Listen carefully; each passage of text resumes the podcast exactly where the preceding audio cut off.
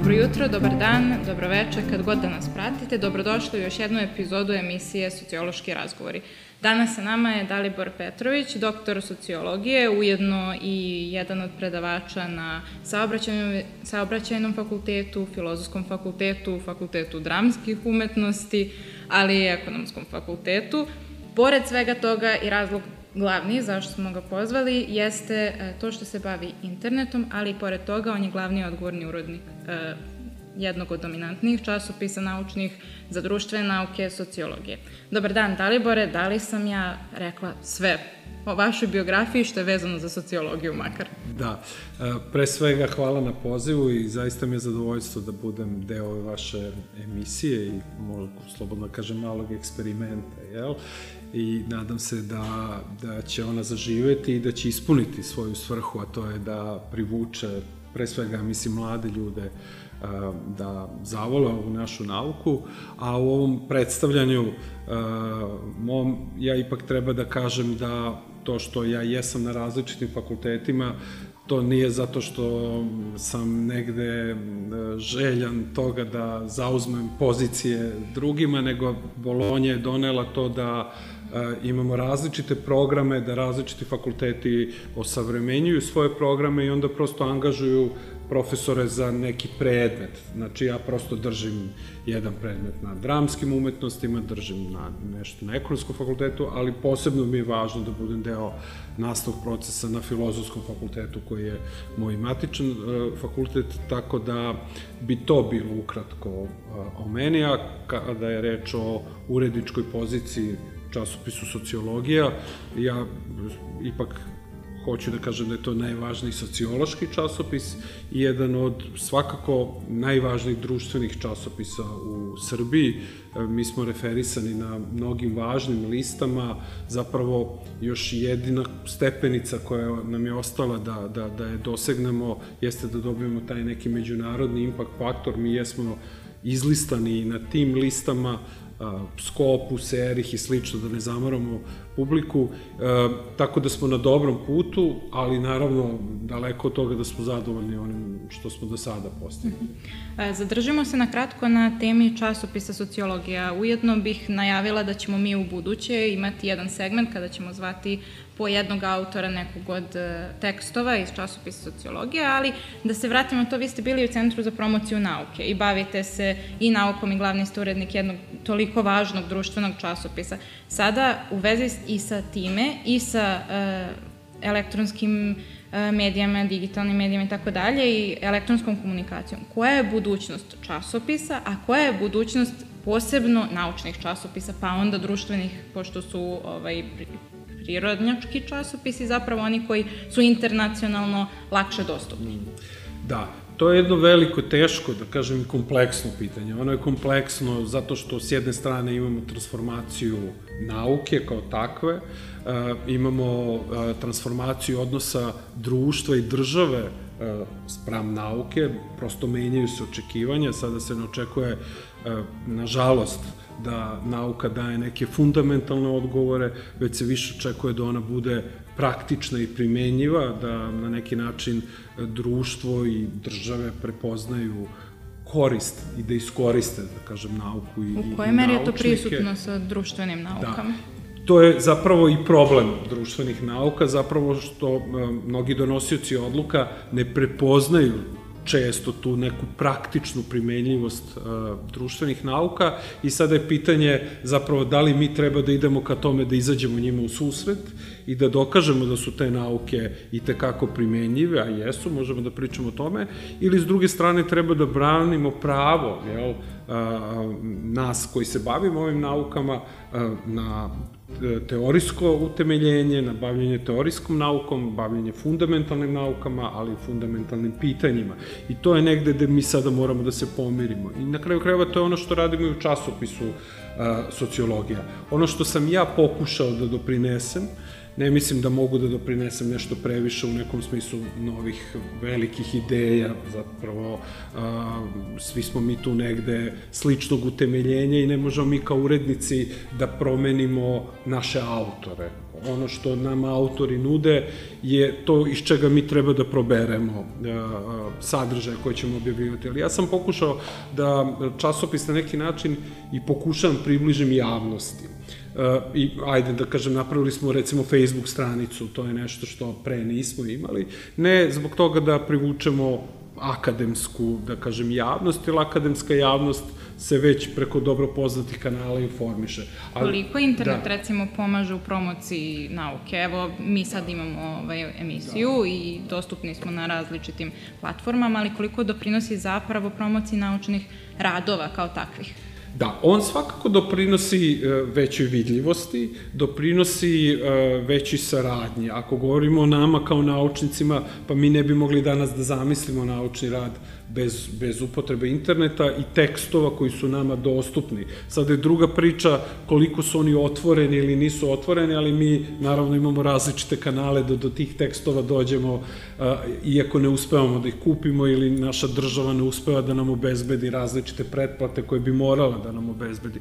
U tom smislu uloga interneta jeste važna, ali s druge strane on na neki način može da dovede do toga i da zapravo zamaglimo pogled na nešto što je bila suština, jer mi smo zapravo zatrpani e, velikim brojem informacija, obiljem različitih radova, gde vi sada teško da možete da očekujete neke pomake koje će ti radovi doneti, jer to se izgubi u tom obilju i, i svede se na jednu vrstu tehniz, tehnizacije nauke i naučnog rada, gde vi sada zapravo kao sociolog I zbog toga je teško sociolozima danas da objavljuju recimo inostranim časopisima, prosto od vas se ne očekuje da se vi bavite nekim fundamentalnim stvarima, da vi pravite neke pomake u teorijskom smislu, već praktično da vam teorija bude neka vrsta neophodnog dekora, a da vi kroz jednu malu e, empirijsku vežbu na oglednom primjeru vaše zemlje i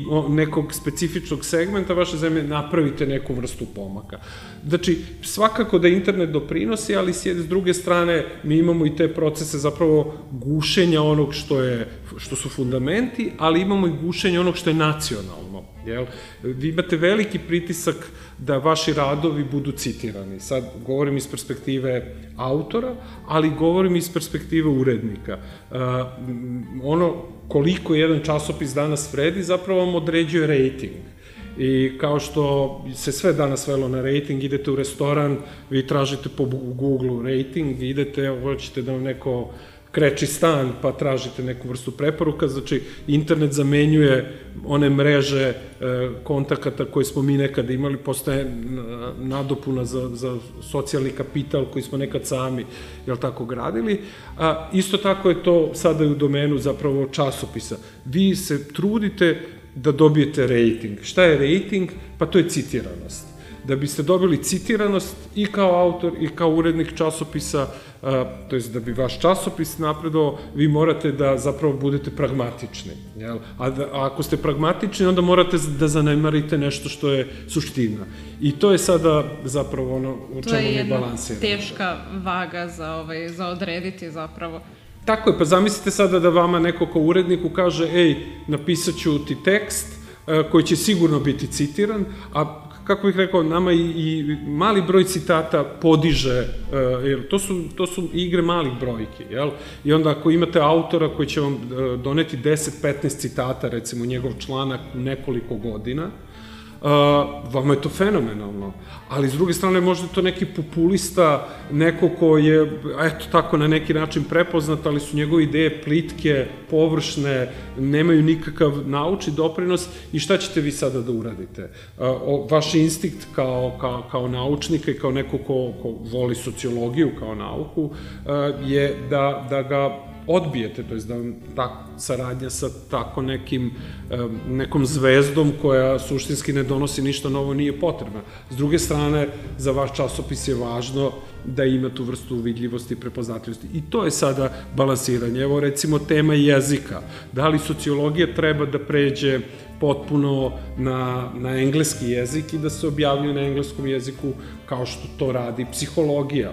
Možemo da kažemo da, da je psihologija možda i najuspešniji društveni časopis uh, ako psihologiju široko svestimo u, u društvene nauke, jel? I oni objavljaju na engleskom. Imamo ekonomske anale, na ekon, koje objavljuje ekonomski fakultet koji takođe objavljuju na engleskom.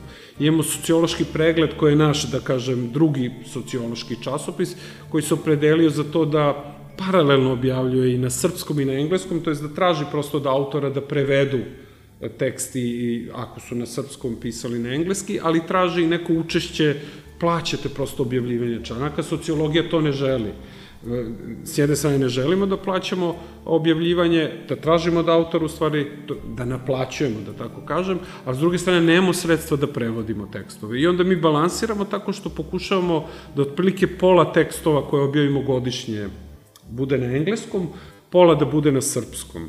Zašto je to važno? Važno je zbog toga što vi morate da čuvate jezik struke. Jel? potpuno je neprirodno i, i, i nije dobro ako vi zapravo izgubite ono što, što smo mi izgradili, gradili naši profesori, gradili proteklih 50 ili 100 godina, da se izgube pojmovi koji su važni, pa samim tim kada promenite jezik menjate i perspektivu, menjate čak i konstrukciju uh, uokviravanja stvarnosti, konstrukciju da, rečenice i tako dalje. I to su sada te velike dileme.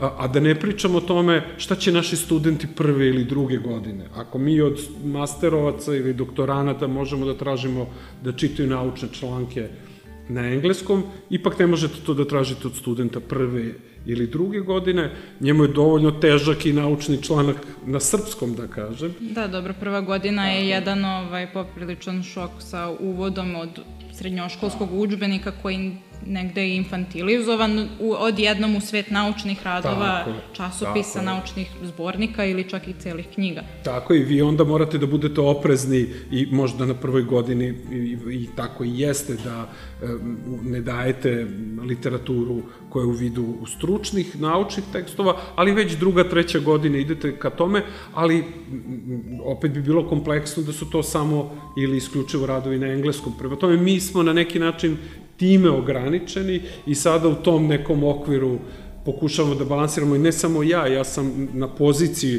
urednika e, e, zato što neki drugi ljudi možda nisu mogli ili hteli, svakako je da je bilo podjednako e, kvalifikovanih ili boljih kandidata za tu poziciju, ali zato sam ja insistirao da se okupi redakcija, redakciju čine mladi ljudi, kolege, profesori sa, sa kako filozofskog, tako i drugih fakulteta i mi zajedno zapravo uh, odlučujemo o tome koje ćemo tekstove objavljivati, uh, kojom dinamikom, koje teme stavljati u fokus i tako dalje. Uh, pa kada govorimo o temama, u stvari vaša ekspertiza jeste internet Tako i treba, sada kada smo pomenuli to koliko se piše na engleskom jeziku i koliko zapravo na uh, domaćim jezicima, ok, zavisi od, o kojoj državi je reč, ali u kojoj meri internet ima globalizujući faktor, a u kojoj meri ima integrativni faktor? Da nekako podelite ta dva, pošto ovaj, mislim da je važno. Da, Pa to je sada, to su ta, ta večita pitanja, pitanja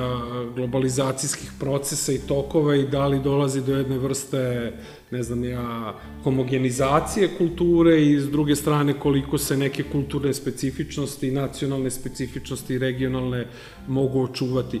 I nema tu jednoznačnih odgovora, jel? Prosto vi morate da hvatate i hvatate određene trendove koji su koji su globalni, koji su univerzalizujući i oni utiču i na teme kojima ćete se vi baviti i ono što ćete objavljivati. Na kraju, naš čitav eh, sistem verifikovanja naučnih eh, radova je postavljen tako da, da je objavljivanje radova u međunarodnim časopisima ključ za vaše napredovanje. To znači da vi morate da se prilagođavate uh, temama i uh, uh, onome što je okvir, agenda ili kako god da to nazovemo uh, inostran. Jel? Evo recimo u temi i temama kojima se ja bavim, koje su vezane za internet, ja bi se recimo mnogo više bavio temama aktivizma, temama nadzora i sličnim, ali mnogo lakše ću objavljivati radove ako se bavim aspektima interneta koji pokazuju da je on nebezbedan, recimo dečijom bezbednošću na internetu. Pomenuli ste da. nadzor, tu bih vas da. zaustavila. Jako je zanimljiva tema i dosta se promalja sada ovaj, kada čitam i društvena istraživanja koliko smo mi zapravo pod nadzorom na internetu i koliko oni čuveni kolačići ovaj, nas špioniraju, odnosno koliko je metadata skuplja podataka, koliko je to prisutno i koja je onda tu budućnost društvenih nauka, pošto sam čula neke ovaj, komentare i čitala sam, sad ispravite me ako ja grešim, ali da zapravo metadata oduzima posao društvenim naučnicima, negde skupljajući te statistike koje mi tehnički nemamo sredstava da, da, ovaj, da prikupimo, a s druge strane gubeći ljudski element, koliko je to pretnja po društvene da. nauke, koliko smo posmatrani. Da, to, to je sad nekoliko tema važnih. Podsjetite me ako, ako odem u jednu samo stranu, pošto mi je to važna i bliska tema, eh, ja sam imao priliku nedavno da bu, budem, da kažem, redaktor prevoda knjige Šošane Zubov Doba nadzornog kapitalizma, koju je objavio Clio, i koja se upravo bavi problematikom nadzora, kolačićima koje pominjete i svim onim behavioralnim tragovima koje mi ostavljamo na internetu. Naravno, tu je fokus više marketinški i u fokusu su kompanije Google i Facebook kao kako bih rekao, neumereni eksploatatori svega onoga što mi radimo na mrežama i zapravo Zubov kaže da, da su to nove sirovine. Znači, sve ono što mi ostavljamo kao tragove, ne mislim tu sad samo na svesne tragove, u smislu onoga što ćemo ukucati kao pretragu na Google, nego mislim i na to gde ćemo kliknuti, koliko ćemo se zadržati na nekoj stranici, gde će naš pogled biti usmeren, šta ćemo govoriti, zato što svi prislušni, da kažem, uređaj koji mi imamo u našim tehnološkim spravama koje koristimo, to su i kamere i e, mikrofoni, se e, e, neumereno koriste i sve one teorije zavere o kojima slušamo zapravo imaju vrlo osnova.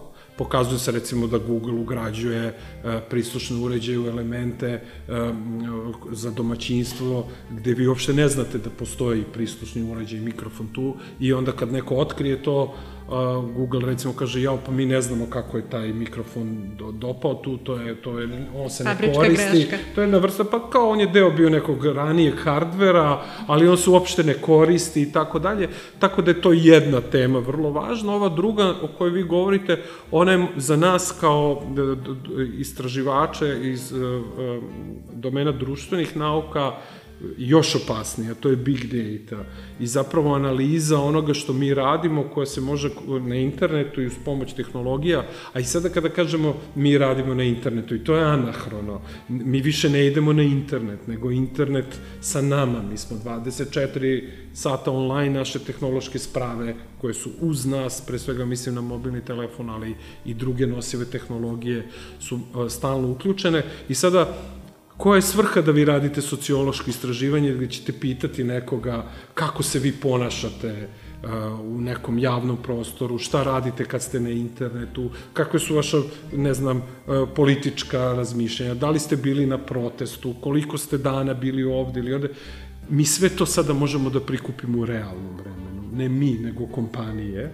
I naučnici koji su vezani za te kompanije a mi to naravno znamo, uh, i Google i Facebook i Apple i o kojoj god tehnološkoj kompaniji da govorimo, ona ima timove naučnika, ozbiljnih psihologa, sociologa sa ozbiljnim biografijama, koji imaju ekskluzivan pristup tim informacijama i oni mogu da ih uh, uh, u, u velikoj meri koriste i u velikoj meri su zbog toga u prednost. Ako kompanije imaju mogućnost da prodaju naše podatke, tačnije prvo da ih prikupe, pa nakon toga da prodaju, a mi negde sam išlju ovaj, da je to nešto besplatno, onda dolazimo do zaključka da valjda onda mi smo proizvod, odnosno uh, negde sam došla do članka gde je pisala ako vam se nešto nudi besplatno, vi ste u stvari proizvod, odnosno neka kompanija kupi podatke od vas, a takođe ukoliko se to prodaje, sad tu postoji određeno etičko pitanje u koje neću sada zalaziti, ali da li to znači onda da smo mi pod jedan proizvod zapravo uh, kontinuirano?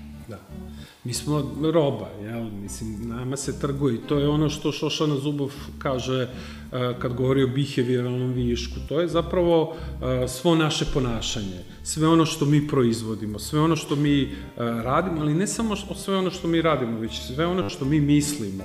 Znači, danas kompanije trguju našim mislima, našim osjećanjima, našim emocijama i na tome zarađuju novac. I to je potpuno uh, neverovatna jedna stvar. Meni u tome neverovatno kako mi olako pristajemo na to. Čak i da stavimo to u jedan, hajde da kažemo, poslovni okvir. Ok, nemam problem da trguješ mojim mislima, samo mi daj neki procenat. Ajde mi da napravimo neki ugovor, ako ja već tebi dajem sirovinu, jer ja sam sirovina, mi smo sirovine, onda ta sirovina ima neku cenu. A ovako ispada da ne samo da je sirovina besplatna, već da mi osjećamo da nam neko čini uslugu time što mi imamo uopšte priliku da dajemo sirovinu, to je ono što je deo nas. Pro, stalno procure ti neki dokumenti koji pokažu do, do koje mere idu, uh, ide taj nadzor i trgova, tr, trgovina ili prodaja naših, neću da kažem namerno podataka, nisu to neki bezlični podaci, to su naše, naše osjećanja, naša, naša stremljenja, naše ideje, naše vrednosti. Recimo dođe kompanija Facebook i nudi, bio neki sastanak u Australiji, nudi nekim kompanijama svoje usluge i oni sada kažu mi vama možemo da kažemo, vi prodajete recimo kozmetičke proizvode za tinejdžere.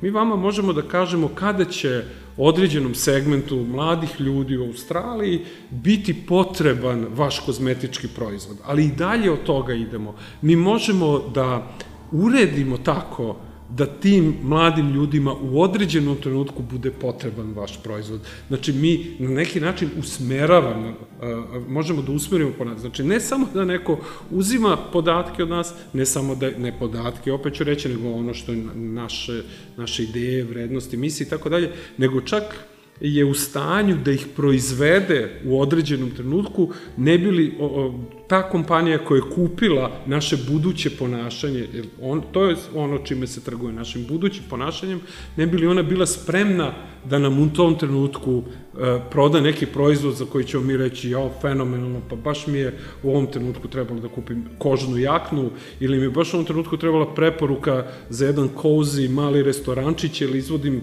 sutra uveče upravo devojku ili momka ili koga god ne važnu ovaj, intimnu večeru ili mi je trebao neki poslovni prostor i tako dalje. O, tome se radi. Jel? E, pomenuli smo nadzor, pomenuli smo i kupovinu podataka i negde tu se postavlja pitanje da li smo mi kada sami, a onda s druge strane, prethodnu godinu smo proveli u izolaciji i negde internet je bio taj zapravo integrativni uh, element koji nam je omogućio da se osjećamo manje samima. Sada E, da li internet pruža zapravo mogućnost da imamo kontinuirani osjećaj zajedništva, istovremeno nas špionirajući, ok, to je druga strana medalje, ali u kojoj meri nam ostvaruje osjećaj zajednice i u kojoj meri smo mi kada sami sami. Da. Pa to je nešto što sam ja u nekim svojim ra radovima nazvao uh, permanentna konektovanost. Mi smo zapravo permanentno konektovani i umreženi jedni sa drugima i mi, uh, mi nemamo pravo na samoću, mi nemamo više pravo na izolaciju, mi nemamo više pravo da budemo nedostupni. Nekada, Uh, I to je potpuno fenomenalno kako se ti obrazci upotrebe komunikacijnih tehnologija menjaju, kako je to dinamično.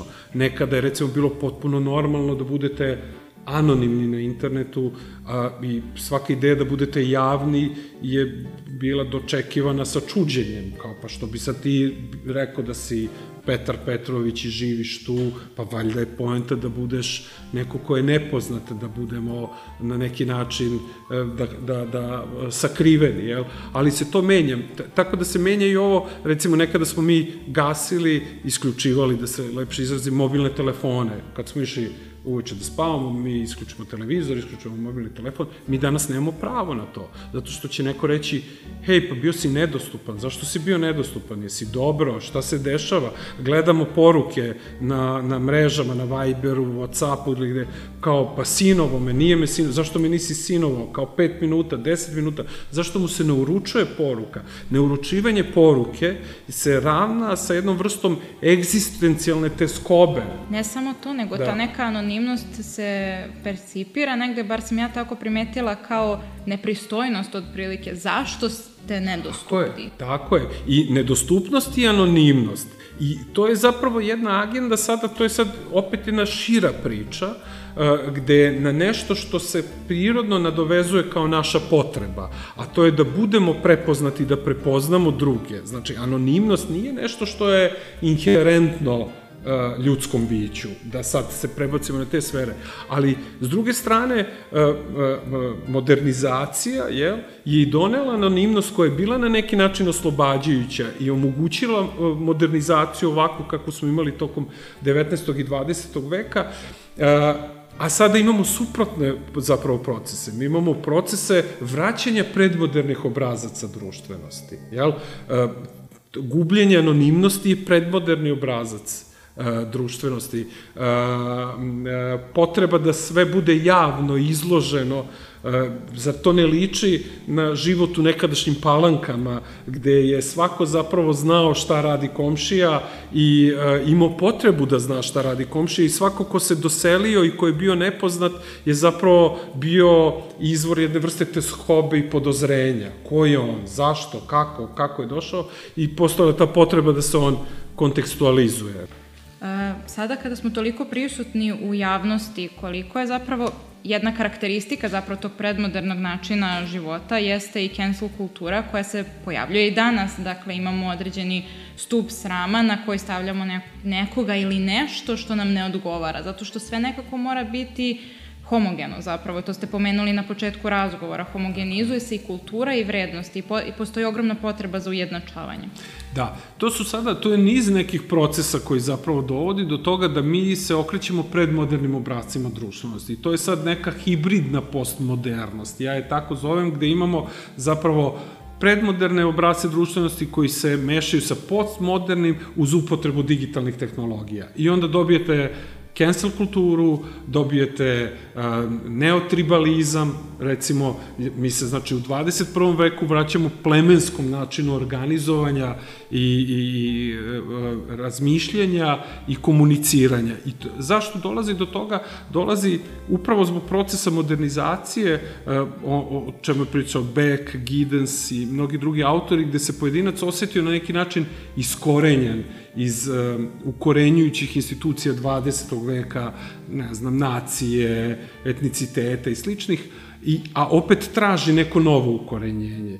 I e, naravno, ne nestaju ni ti stari izvori, ali se javljaju neki novi, bezbroj nekih identitetskih zajednica i, i, i koje su bazirane na, da kažem, afinitetima ljude koji povezuju i sada ti predmoderni obrazci plemenskog, da kažem, povezivanja traže jednu vrstu uniformnosti, traže jednu vrstu desubjektivizacije, ali zapravo to nije nešto što predstavlja jednu vrstu pritiska, nego e, prirode potrebe ljudi e, posle jednog perioda iskorenjenosti i e, teskobe koju ta iskorenjenost nosi. Jer vi kao pojedinac zapravo morate danas da donesete niz odluka. Znači, vi se prosto teško snalazite i teško orijentišete od najobičnije kupovine u supermarketu, čitate one etikete, gledate da li je ovo organski, nije organski, da li je ova plastika ovakva ili onakva, to je zamorno, a to je samo jedna kupovina u hipermarketu, da ne govorimo danas o vakcinama i svim drugim pričama gde ja moram da donesem odluku. Ne postoji neko ko će doneti umesto mene. Sve te tendencije nas sada teraju zapravo ka jednoj desubjektivizaciji uniformnosti i zbog toga zapravo e, i taj model cancelovanja, otkazivanja postoje dominantan model. Jer ako sam se ja desubjektivizovao, ako sam ja našao utočište u nekom novom plemenu, onda mene frustrira sada neko ko će da naruši koherentnost tog, tog plemena na bilo koji način, svojim postupkom, svojim, uh, uh, svojim iskazom. Ali na sve to se uh, nadovezuje i ono što je mainstream politički, jel? a to je ta jedna vrsta uh, liberalne, ajde uslovno da kažemo leve hegemonije koja se očitava u političkoj korektnosti, to jest u temama koje prosto su nedodirljive. Vi više nemate pravo da otvorite neka pitanja. Ja? Da li politička korektnost ruku pod ruku sa cancel kulturom dovodi u pitanje i kritiku kao takvu? Tako je. E, negde e, pre nekoliko, da kažem, e, e, ne, e, meseci, u Harper's magazinu američkom, to je bilo, čini mi se, u letu 2020. znači malo više, prošlo nekoliko meseci, je grupa američkih, ne samo američkih intelektualaca, ali oni koji rade u Americi, objavila jedno pismo, zapravo tu su bili, ne znam, Chomsky i Fukuyama i, ne znam, razni pisci, sa, uh, Ruždi, uh, J.K. Rowling i tako dalje, gde su zapravo rekli ok, naravno da neke teme su neupitne i da naravno da neka vrsta konsenzusa ne treba da bude narušena, nije u redu da kažemo da ljudi, da treba da postoje rase i da su neke rase treba da zauzmu bolje položaje u društvu i oko toga zaista nema diskusije. Ali oni su izrazili bojazan da se zapravo politička korektnost sada, kao što se identitetske zajednice umnožavaju, jel, širi u toj meri da vi zapravo nećete imati mogućnost da kažete da je neki student bolji od drugog studenta. Znači, prosto ako vi kao profesor kažete, e sada ovi studenti su bili bolji i zbog toga imaju, ne znam, takvu nagradu, vama će uprava da dođe i da kaže, pa nemoj baš da kažeš da su bili bolji. Jer to bolji, šta to znači bolji? To sada može da znači da su oni kvalitetni kao ljudi, da su oni bolji kao muškarci ili žene, belci ili crti. Nemoj da kažeš bolji. Možeš da kažeš da su oni imali bolji rezultat u tom i tom procentu i to je u redu. E to je zapravo opasnost na koju oni ukazuju i to je zaista opasnost koja postoji, a kažem, ona se nadovezuje na tu snažnu potrebu pojedinaca da se identifikuju jedni sa drugima i da se na neki način jasno odrede prema onom što je drugačije. Da li to negde suzbijanje vrednostnih sudova dovodi i do nekog, rekla bih, anuliranja etike jer mi nemamo više vrednosti parametar šta je dobro, a šta je loše. I onda dolazi možda potencijalno do još veće krize i identiteta i individualnosti, ali i veće potrebe dalje za ostvarivanjem novih zajednica, jer morate nešto da nađete autentično u suštini. Ja ne bi, ja bih čak rekao da je suprotno. Mi imamo sada neku vrstu uh, uh, super etike, jel, koja zapravo se zatvara kao takva i ne dozvoljava zapravo polemiku uopšte oko toga da li je nešto etično ili nije. Jel, mi zapravo i uh, kenselujemo ljude zarad, uh, zarad očuvanja vrhunskih nekih uh, moralnih principi, nekih normi. U tom smislu je kao najizgled etika e, stavljena u prvi plan, jel? dok s druge strane zapravo imamo jednu vrstu e, rigidne isključivosti koja ne dozvoljava preispitivanje nikakvih sudova. I to je zapravo ono što, kako bih rekao, je problem, ali kažem, problem nije, ne bi bio kada bi mi e, rekli, ok, postoji nekoliko osnovih etičkih postulata koje ćemo uzeti kao neupitne, ali ćemo druge stvari staviti pod, pod lupu javnosti i dozvoliti da se određeni principi dozvoljenog, nedozvoljenog, moralnog i amoralnog redefinišu vremenom. Ali mi sada ne, mi sada imamo određene društvene strukture koje sebi daju za pravo da u sve širem segmentu društvenog razmišljanja i delovanja stave e, e, šapu, da tako kažem, na neupitnost različitih stvari. I na kraju će to potpuno suziti prostor za slobodu, za individualnost, za javnu diskusiju, kritičku misao i to je nešto protiv čega svi zajedno treba da se borimo, a da opet ne, ne zaboravimo naravno da su emancipatorski procesi i pokreti 20. Eh, veka doneli slobode koje treba da sačuvamo.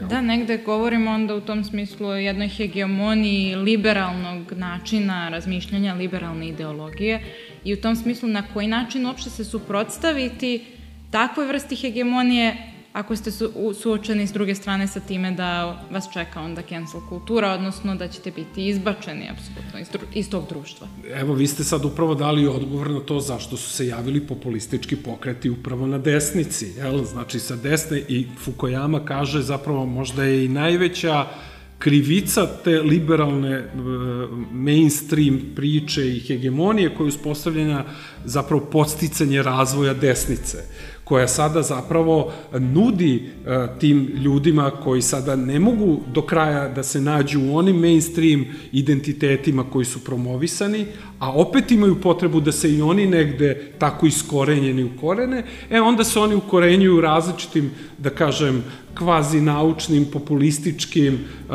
okvirima. Često su to redefinisani stari okviri ukorenjivanja kao što su uh, zajednica, kao što je religijska neka grupacija, kao što je to etnicitet i tako dalje. I to je zapravo uh, proizvod ove hegemonije o kojoj vi govorite i između imate sada sve, sve manje E, grupacije slobodomislećih ljudi koji ne mogu da se snađu i da se orijentišu. Oni bi do odbrane e, slobode koje smo stekli, s druge strane ne bi da, da e, te populističke ideje koje su bazirane, bazirane na, ne znam, obožavanju vođa i kvazi naučnim idejama i tako dalje, ne bi da zadominiraju, ali je teško balansirati i teško je zapravo odbraniti pravo na normalnost, jer to na kraju ispada da se mi svodimo na to da, da probamo da definišemo šta je ono što je zapravo normalno u okvirima nekih univerzalnih vrednosti i zato se vraćamo recimo uh, John Stuart Millu i priči o slobodi, zapravo o tome da, da ne smemo da ugrozimo pravo. Da, sada kada ste pomenuli da hegemoniju da. i uopšte ovaj, te ljude koji pokušavaju iz tu manjinu koja pokušava da. zapravo se izbori za slobodu, tu ima jedna ovaj, teorija da imamo alfe koje diktiraju, odnosno da. hegemone, bete da. koje prate i omege koje su van svega. I koje su šanse u ovakvom društvu, evo za kraj jedno pitanje, da omege zapravo se izbore za slobodu? E, šanse su i male i velike. Jel? Na izgled i sada, kako stvari stoje, one nisu velike i e, ne, ja kažem male zato što mislim da neće biti puno u njihovim rukama. E, zapravo mislim da će oni e, dobiti svoj prostor tek kao posljedica sukoba ta dva velika bloka koja će odlučivati o našoj budućnosti. E, ne mislim da će ovaj posredujući sloj uspeti da ih tako lako pomiri, već pre mislim da e, će te tenzije rasti i mi to osjećamo oko nas. Osjećamo da rastu poslednjih 20-30 godina, osjećamo da se taj jaz produbljuje i uh, on će rezultovati jednom vrstom jaku konflikta i sloma. Taj slom ne mora da bude uh, uh,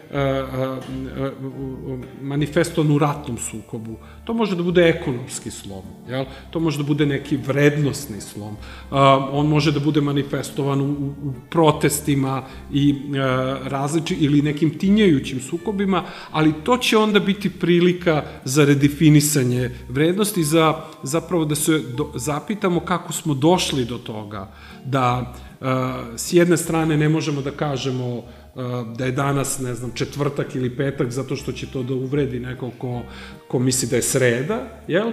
A da za druge strane imamo uh, uh, uh, populističke lidere koji će zapravo potpuno nas utopiti ili mi ćemo se utopiti i izgubiti svoju individualnost i, i uopšte kritičku misao. Prema tome, tek, kažem, ne, sumnjam da će te neke umerene snage, struje koje brane pravo na neku normalnost, biti prelomne, ali će u trenutku velikog sukoba i potrebe za redefinisanjem uopšte okvira u kome živimo, možda to biti prilika za njih.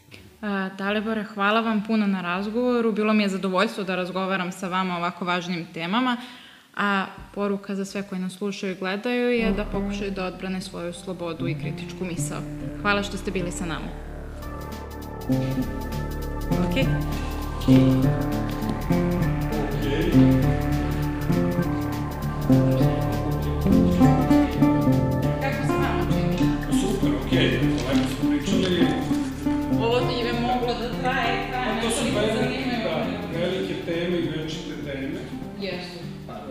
Dobro je što se velike teme vraćaju, takođe. Da, je. I to je, ovaj, jer mi, kad su, kako bih rekao, tako velika trvenja, onda velike teme dolaze